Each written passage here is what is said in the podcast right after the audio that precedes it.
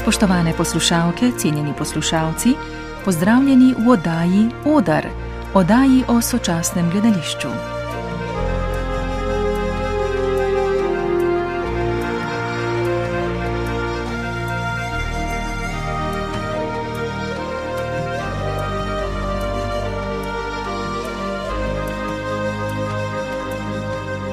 Nismo bili priljubljeni, ker bi se v časopisih pojavljale naše slikice. Priljubljeni smo bili zaradi svojega dela.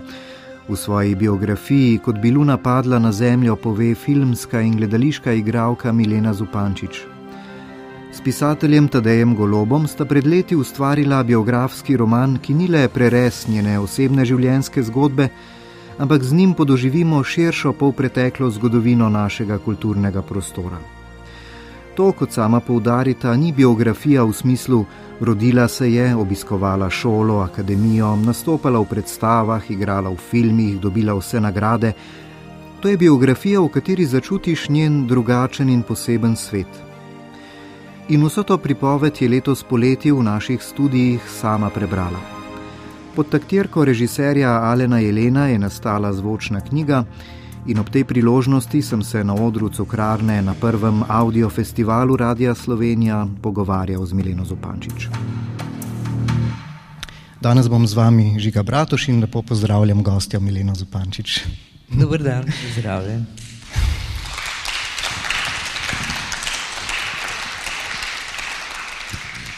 Za ogrevanje pa tole je bilo kaj naporno poleti snemati zvočno knjigo je bilo kaj vroče v študijih? O, kar precej naporno je bilo, zelo naporno je bilo. Ti so bili tisti eh, hudi vročinski valovi, ne?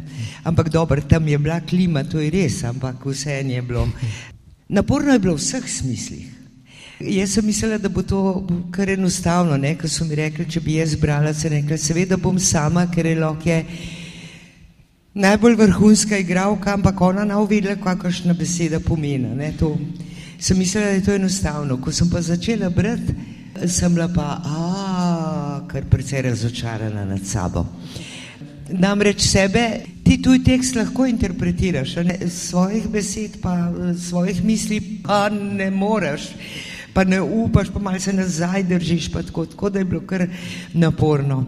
Škoda, no, da eh, Tadej, ki je pravzaprav glavni krivca ne, za to knjigo, eh, sedi tam le. Jaz sem navajena, da je zmeraj zraven mene, eh, ker sva mi dva s knjigo prebrodila Slovenijo po dolgem in počes.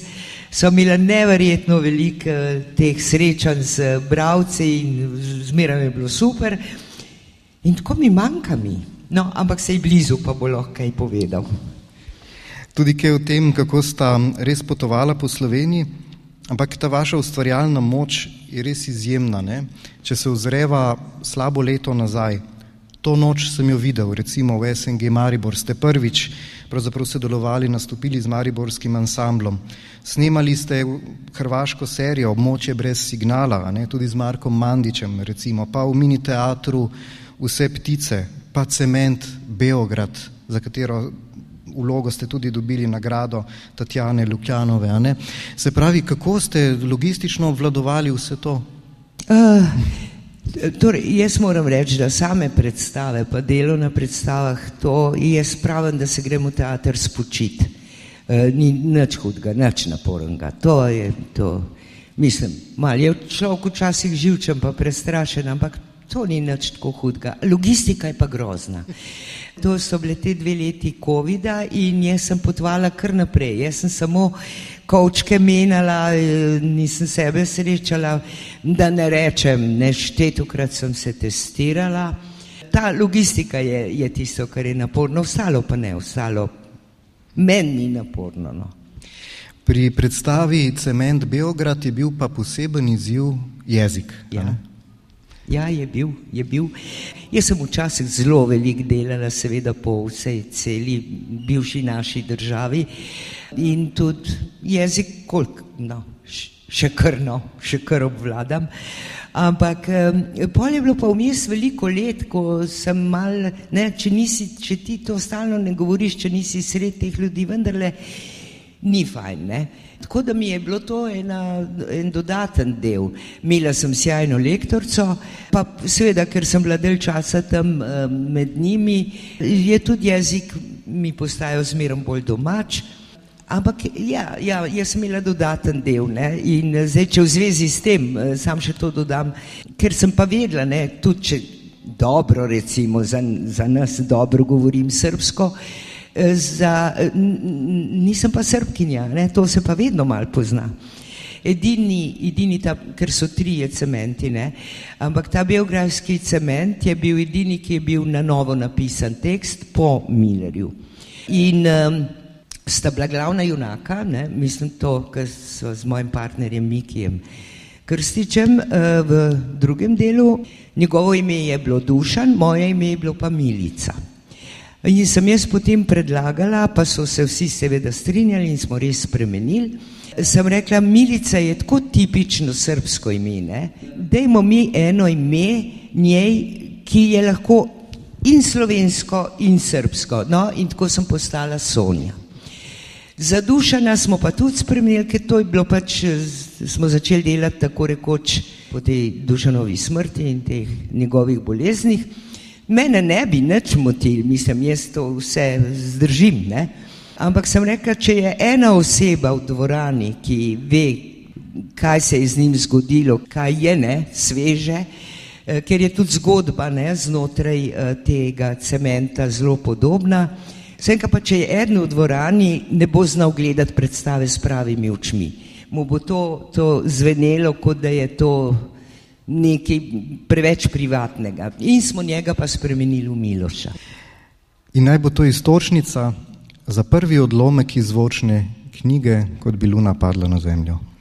Odličen igralec si lahko v okolju, ki ga poznaš, kjer poznaš mentaliteto ljudi, kjer poznaš njihova čustva, Lahko se naučiš tujega jezika celo perfektno, čeprav ga nikoli ne boš govoril tako kot domačini.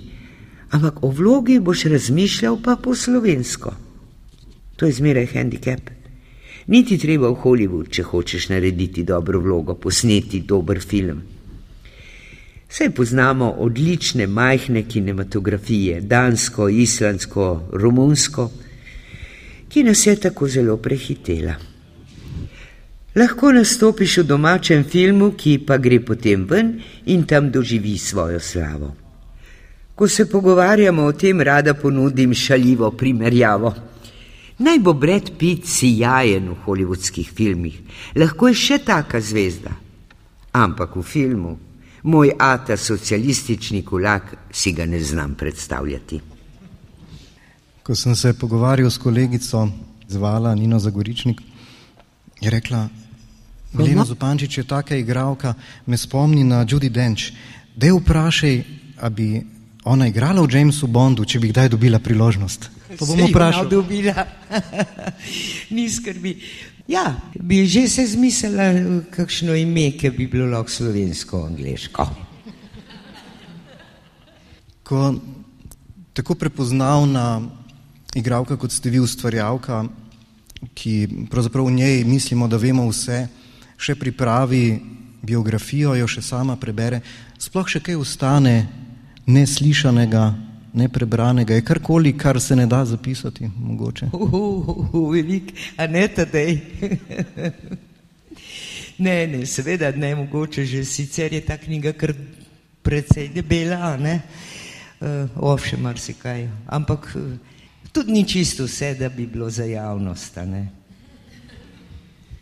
Kako je pa z domišljijo? Zato, ker ustvarjalni ljudje imajo bujno domišljijo in um, ta objektivnost se z leti v zgodovini verjetno vseeno nekoliko spreminja. Kako je pa s tem? Ja, seveda se zelo spremeni. Ne? Mislim, mogoče sam jaz tako mislim, ampak recimo, ko sem bila jaz otroka, ne? ni bilo jasno, ni bilo še televizije, ne kamoli razni Instagrami, pa ne vem kaj vse.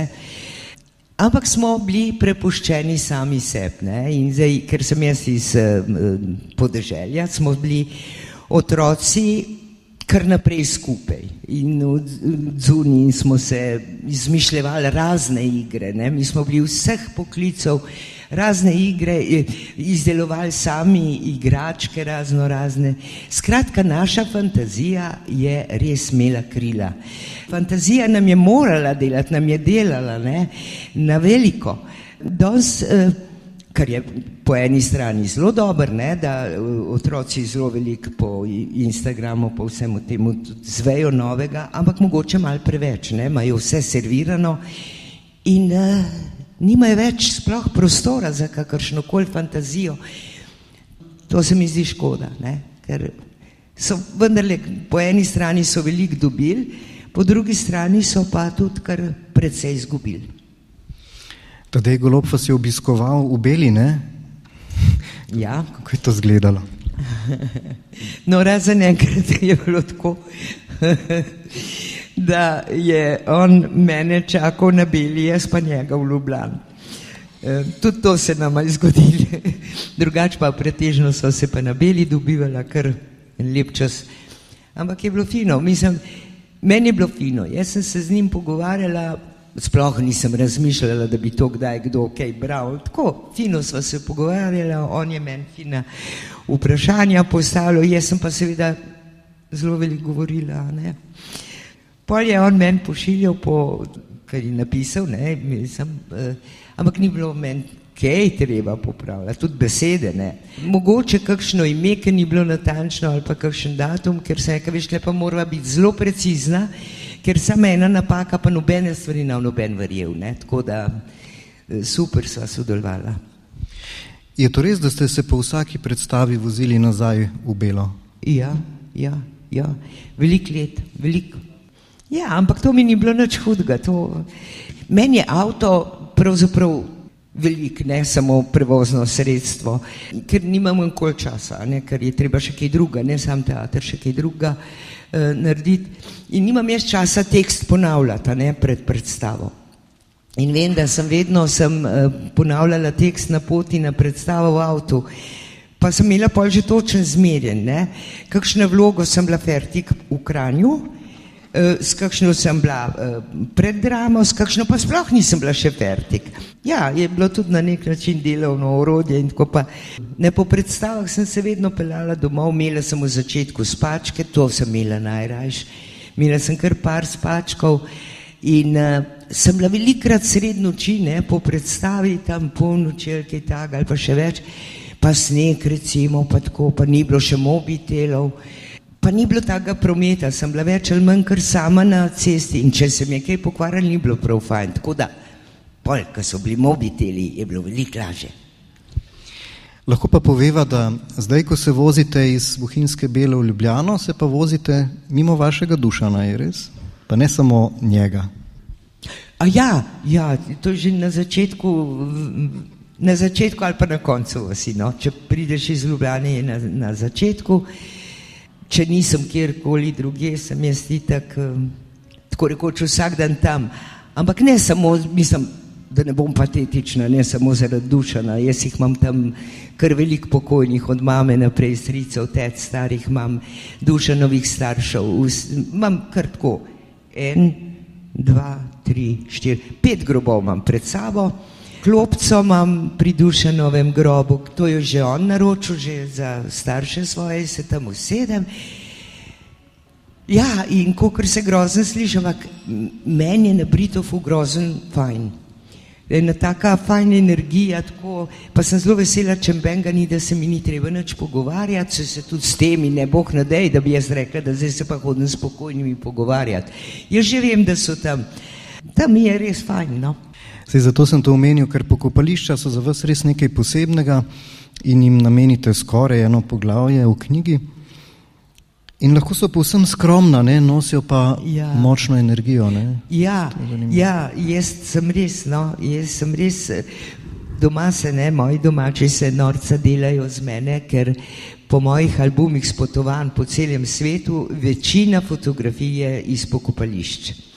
Poglavitna stvar je to, eh, ta energija, ki je drugačna, ki je posebna, pa so to lahko starogrški, inkovski, muslimanski, eh, irski, ne vem, kakšna pokopališča, ampak vse ima neko posebno energijo. Kar pomeni, da so vedno odnegdaj so za svoje pokojne zbirali take posebne, posebne prostore.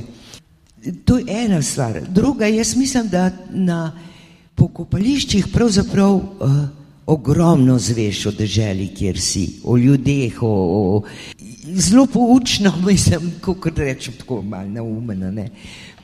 To bi se lahko zdaj pa, mislim, cel čas pogovarjala, ker tle se pa ne bi jaz hitro ustavila, ker to imam pa toliko zapovedati. Ampak, recimo, samo en primer, recimo Inkovska pokopališča v Peruju, ja, mislim, da je bilo to. To zgleda tako, eh, kot eh, najlažje opišem, kot kakšen silos, ne, pri nas. Tak uh, valja so ogromen uh, stavba, stebr in ima eno malo odprtino, ker in ki so bili vendarle manjši, niso bili košarkaši. In so jih dali v stoječ položaj pred tista mala vratca, in to tako, da zjutraj, ko je sonce všlo, da jih je to sonce obsijalo, da je na njih sijalo. Recimo, ne, to to. Do recimo teh vojaških pokopališč, ki so čist nekaj druga, Arlington v Ameriki, ampak je tudi neverjetno, ne? tiste poljane belih križev, pol vidiš, koliko vojn so oni naredili, koliko jih je pač tudi umrl, pr ni prišlo nazaj iz teh vojn. Ogromno, ogromno, ampak je tudi fascinantno, tudi ima nekaj posebenega. No, no se prav v Arlingtonu so te križi zelo enostavni, ne, zelo Čist, beli. Ne. Navaden bel mm, križ in mm, nič mm, drugega.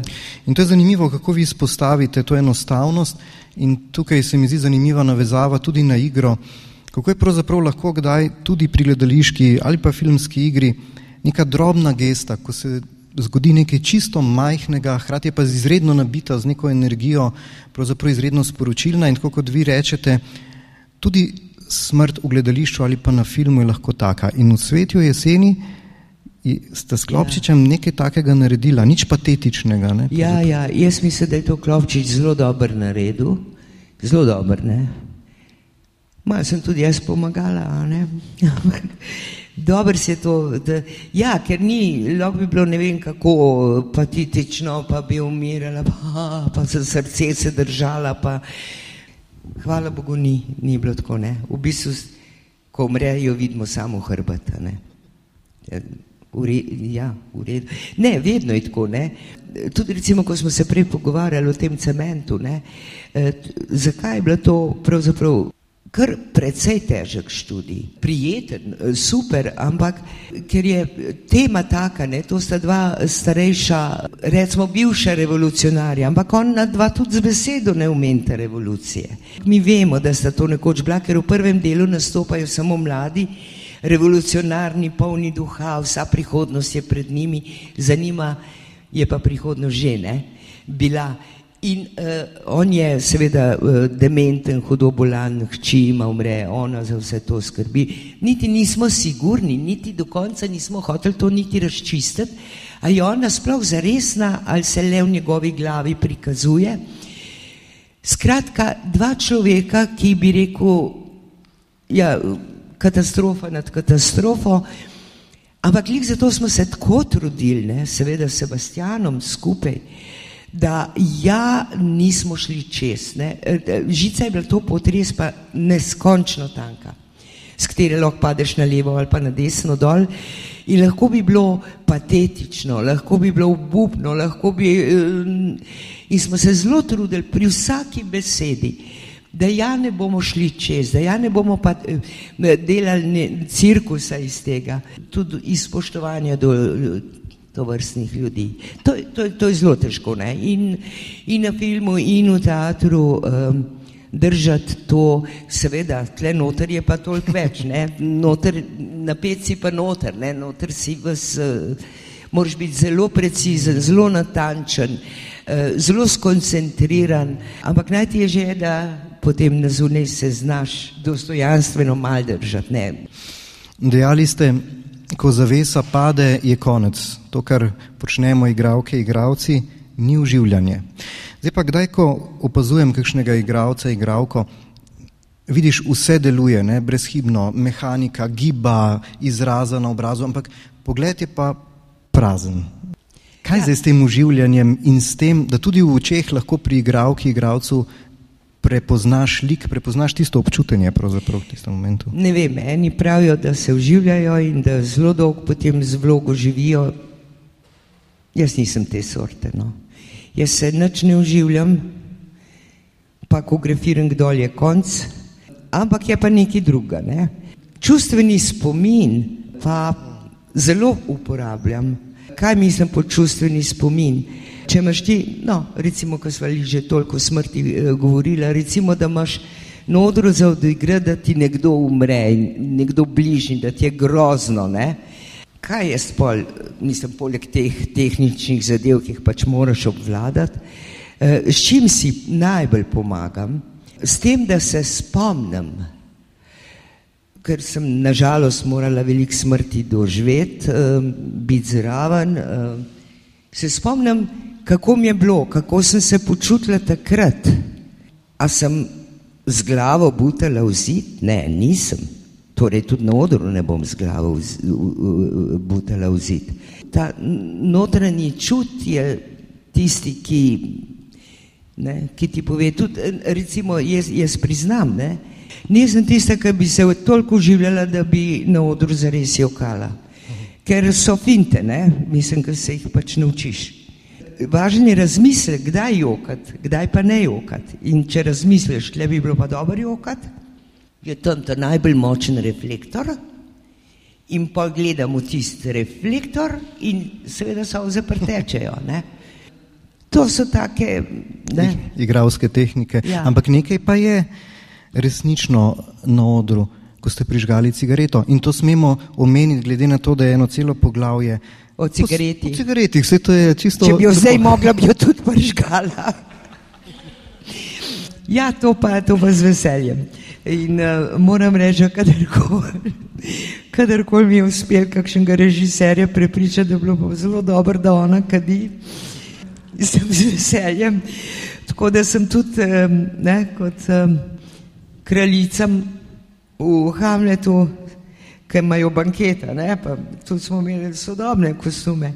In sem režiserju tudi predlagal, sem kaj veš kaj. Jaz mislim, da tle bi bila ona pa kompletna, ne, tle ima viski, ta prav seveda v rok, pa cigaret in, in sem, sem bila. Ampak zanimivo pa, da pravite, da ne kadite pa, ko se sprehajate proti vašemu hrastu, ker drevesa imate pa radi, ne? Drevesa zelo. Eh, pa vse, kar je v, ne, v naravi, imam rada in me zmeraj srce boli, kadar sekajo drevesa, pa kadar na mest dreves neke štacune postavljajo. Ja, takrat pa ne, takrat pa sploh ne potrebujem cigarete, nisem dober, recimo, če hodim tam ene dve uri, pa to pol, se pa usedem, pa enega pržgem, ampak sicer mi pa ne pade na pamet. Recimo, ko sem bila v, v Andih, ne, v Boliviji, na šest stavžen pa še nekaj je, ne. Tam že tudi eh, v glavnem mestu dol, ne, je zelo redek zrak, ne moreš. Tam me je pa res, v Peruju me ni, pa gor, ko sem šla na Himalajo, me ni nič zdelval. Ampak tukaj pa me kar je mal, ne. In uh, pol imaš za ukazano, ko greš gor, čakaltaja se imenuje ta gora, moraš uh, deset korakov narediti, deset sekund počivati in tako naprej in Bog nadej kaditi. In jaz, ne, tako kot sem trapasta, tri dni prej neham kaditi, kot da bi to kaj pomagal. In nisem kadila, in eh, greva gor, z, šle so z meto hočevar takrat. In no, fino, jaz pridem na vrh, glava je bila na mestu, srce je bil na mestu, noč mi ni mm, falil. Res pa je, držala sem se deset korakov, pa da, da, da. No, pa se pa spustiva mal dol na približno 5000 metrov, tam je bilo tako, kot je na postojanka, mislim, to pomeni lesena, no kaj sem, lopica mala. In Meta vzame ven svoj sendvič, jaz sem pa rekla, veš, kam Meta, jaz pa moram provati, če tle gre. In vzamem prvo in je šla. In vzamem drugo, tudi je šla. In tudi tretja. No, in pa mi je imeti rekel, veš, kaj, niti enkrat več ti ne rečem, da nehaj, ker meni ni pomoči. Z naravo je pa povezan en odlomek iz knjige, ki je vam ljub del monologa Marije Timofejeve iz Bloden, pa poslušajmo še to.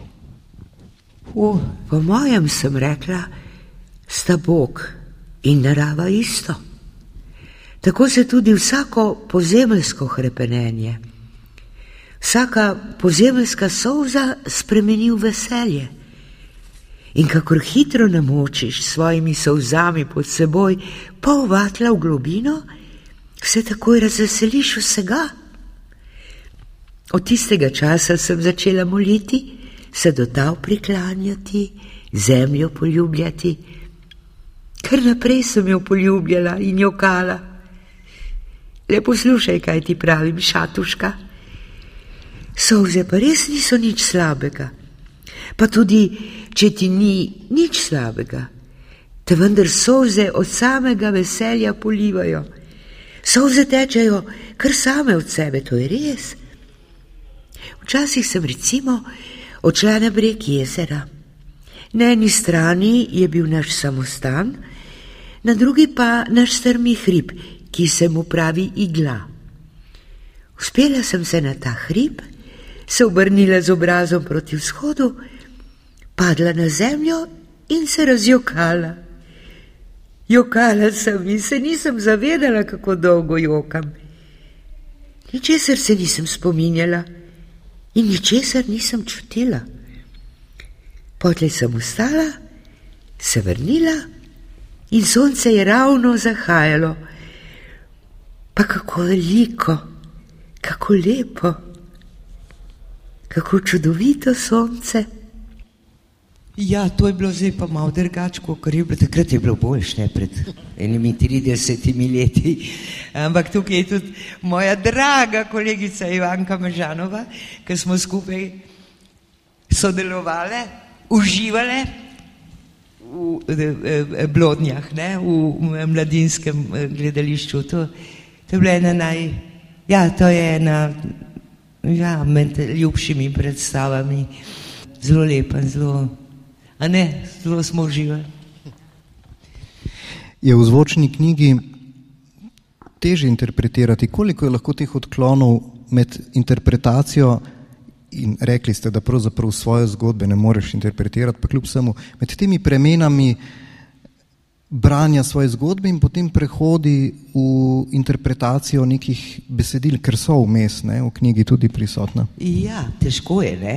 E, e, težko je poseben. E, ne. Jaz vedno, kadarkoli, recimo, sem imela kdaj kakšne, kaj se vem, tako pogovore ali nekaj takega, pa so recimo rekli, a bi mogoče en odlomki iz tega. Ne, ne mogoče, mislim, ker je to iz celote ven ni, ne moreš tako, kot, eh, ne, kot si vodil, poleg tega, da tlele, seveda sem bila takrat še mnogo, mnogo mlajša.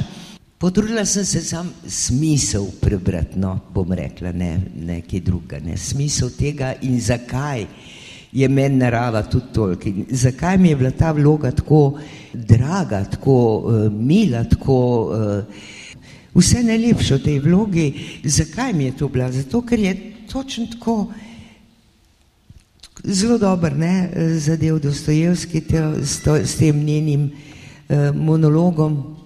Kako bi bilo lepo, če bi bilo veliko takih ljudi na svetu, da bi tako le uživali v naravi, ne. Zdaj pa jaz se včasih vprašam, kaj do pa te otroci, no, za nami, se, no, več, kje se imeli sklanjati, ker ne bo več ne bistrih potočkov, ne zelenih trav, ne, ne vseh rožic, že zdaj jih ni, ne, že zdaj jih ni. Kaj še le bo? Ljudje so se menjevali, ampak hiša je bila pa vedno polna. To so vaši spomini na otroštvo, za katere pravite, da se kdaj zdijo 200 let oddaljeni, ne 70. Ampak radio ste pa vedno poslušali in takrat je bilo veselo. Spomini na radijske igre segajo tja nekje v gimnazijo. Pa za konec, kakšno je bilo vaše sporočilo vsem, predvsem pa mladim ob radiju, kaj lahko radio še ponudi? Mislim, radio vsebin, ker danes se komunicira ogromno na številnih ravneh, vprašanje pa koliko se pove.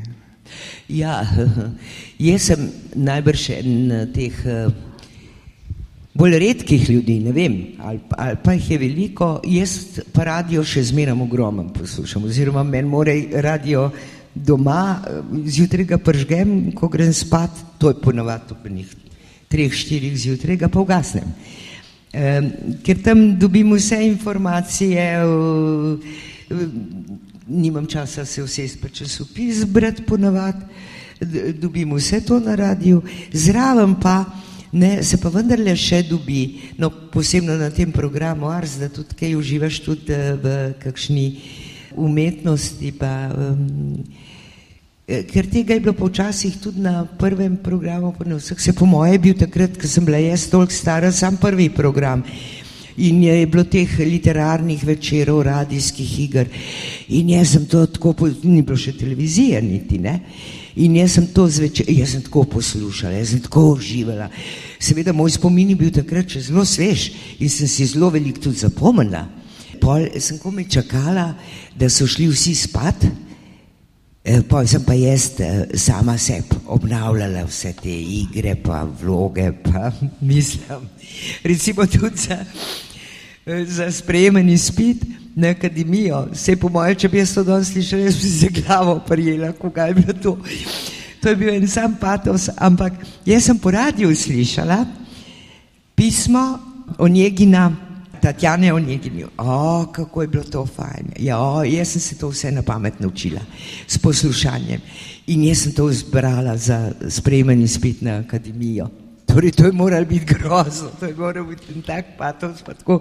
Ampak tako sem, meni je radio pravzaprav približal bolj ta, ta poklic, vse druga ni bilo, ne, televizija je mehni kasneje šele prišla, To smo imeli črno-belo in na začetku smo imeli vas en takle, tako le mehen televizorček je bil črno-bel in smo ga imeli v mladinskem domu, takrat sem imel mladinski dom in pa smo uh, uh, hodili, uh, smo rekli, gremo na televizijo, pa smo tako le stali bili, pa smo se usedli v kinu, pa smo gledali televizijo. Tako da radio je bil v bistvu tisti, ki ti je vse dejal in tudi danes, ne, ko imaš vse na Instagramu in pa nekaj, ampak tam je Nekako jaz bi svetovala, no, če druga ne saj, ko se vozijo v avtu, da imajo pržgane radio. Ne?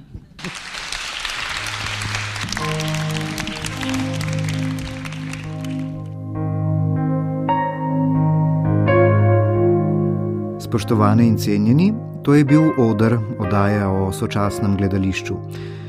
Žiga Bratoš sem se pogovarjal z igralko Mileno Zupančič, tonsko podobo je uredil Damjan Rostan. Vabimo vas, da se na oder naročite tudi v aplikacijah za podkaste in se vam zahvaljujemo za pozornost. Pozdravljeni.